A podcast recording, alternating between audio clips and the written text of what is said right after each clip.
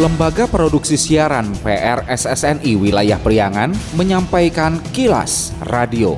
Disiarkan di 20 radio anggota PRSSNI di wilayah Priangan.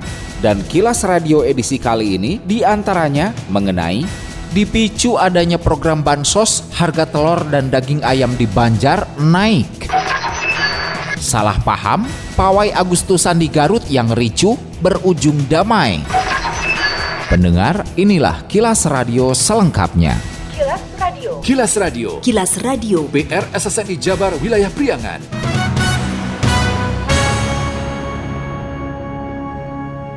Sepekan terakhir, harga beberapa bahan kebutuhan pokok di Pasar Banjar mengalami kenaikan cukup signifikan. Dua jenis bahan kebutuhan pokok yang mengalami kenaikan di antaranya telur ayam dan daging ayam broiler. Beberapa pedagang mengatakan disebabkan karena adanya pembagian program Bansos PKH atau Bantuan Pangan Non Tunai BPNT. Seperti diungkap Beni, salah seorang pedagang telur ayam. Menurutnya, pasokan telur ayam dari kandang ke kiosnya berkurang, akibatkan harga telur ayam juga naik yang semula menjual Rp26.000 jadi Rp31.000 per kilogramnya. Udah semingguan katanya ada pembagian bansos, jadi pengiriman dari kandang berkurang.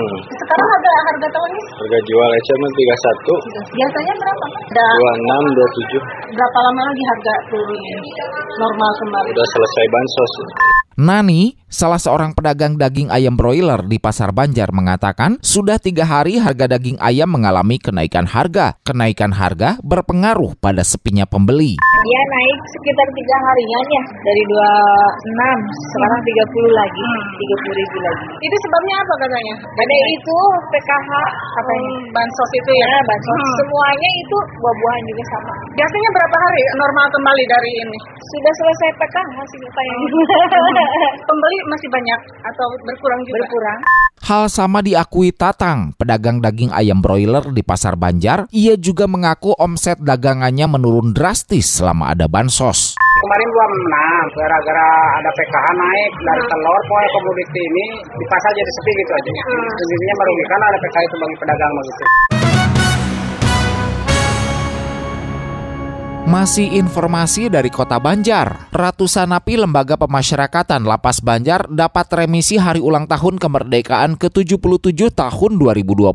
Bahkan 6 di antaranya bebas setelah mendapat remisi. Kepala Lembaga Pemasyarakatan Lapas Kelas 2 B Banjar, Muhammad Maulana mengatakan ratusan napi yang mendapat remisi kemerdekaan itu karena dinilai telah memenuhi syarat-syarat sesuai ketentuan peraturan yang berlaku, di antaranya telah menjalani pidana minimal 6 bulan, tidak terdaftar dalam register pelanggaran disiplin, serta aktif mengikuti program pembinaan lapas. Menurut Maulana, jumlah napi warga binaan lapas Banjar yang mendapat remisi umum pada momen 17 Agustus tahun ini sebanyak 506 orang. 506 mendapatkan remisi umum karena yang memenuhi syarat administratif dan substantifnya. Yang 500 dapat remisi sebagian, jadi tidak langsung pulang. Kalau yang 6 dapat remisi seluruhnya, artinya bebas hari ini langsung 6.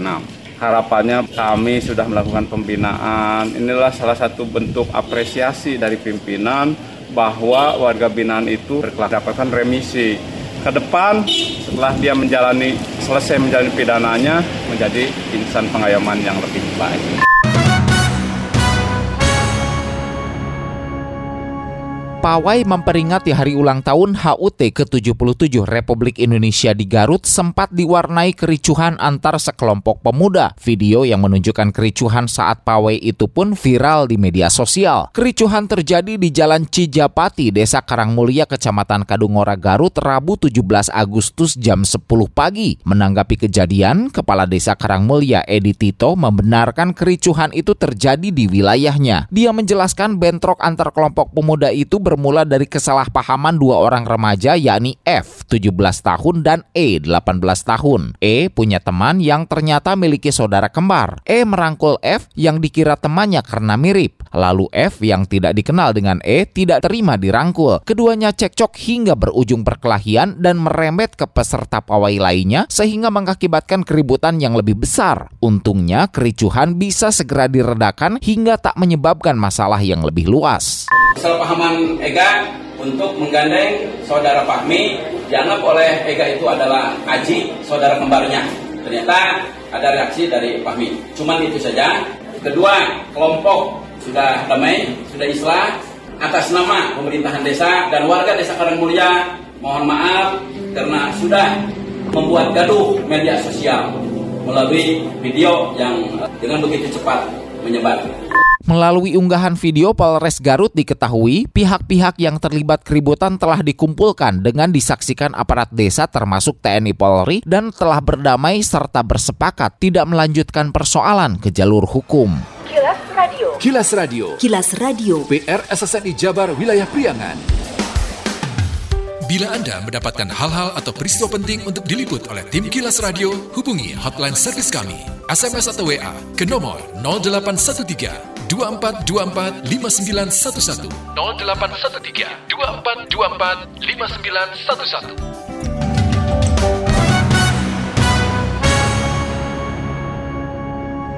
Sektor jasa wisata di Kabupaten Pangandaran terus menggeliat seiring membaiknya situasi dan kondisi setelah sebelumnya dihantam badai COVID-19.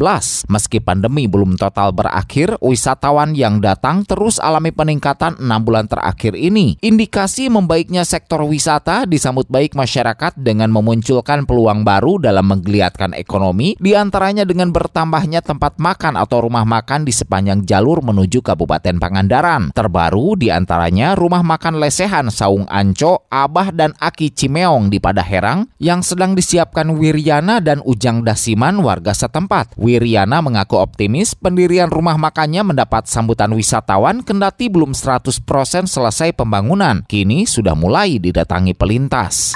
Dari pertama kali membangun sampai sekarang walaupun belum selesai lah baru 70% udah mulai ada pendatang yang membeli gitu. Mudah-mudahan ke depannya akan lebih sukses lagi dan lebih ramai lagi.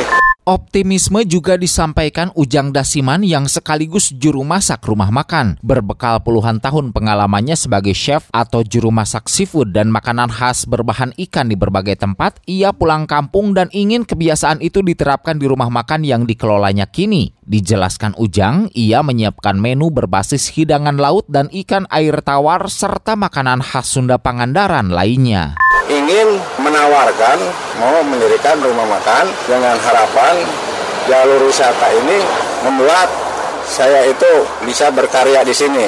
Dengan menu-menu yang ada yang biasa saya terapin di kota-kota di tempat-tempat lain Ketua Perhimpunan Hotel Restoran Indonesia PHRI Kabupaten Pangandaran Agus Mulyana mengakui terjadi geliat usaha wisata seperti munculnya rumah makan dan hotel baru di wilayahnya. Menurut Agus, untuk bangkitkan sektor itu, pihaknya mendorong Pemkap agar sering selenggarakan event atau kegiatan sehingga nantinya semakin banyak wisatawan yang datang ke Pangandaran dan berujung pada menggeliatnya jasa perhotelan dan rumah makan secara umum pariwisata. Jalur menuju Pangandaran dari Banjar banyak yang diapresiasi. Itulah. Itu adalah sebuah tanda bahwa mereka sudah mulai optimis kembali. Optimisme ini sangat penting untuk meningkatkan kita di perekonomian. Nah begini kita dukung juga dengan pemerintah daerah Kabupaten Pangandaran untuk mengadakan event-event yang bisa mendatangkan wisatawan terutama di weekday Pak? Kilas Radio. Kilas Radio. Kilas Radio. PR SSNI Jabar Wilayah Priangan. Sekian Kilas Radio. Saya Dido Nurdani beserta tim Kilas Radio Priangan. Salam PRSSNI. Kilas, Kilas. Radio.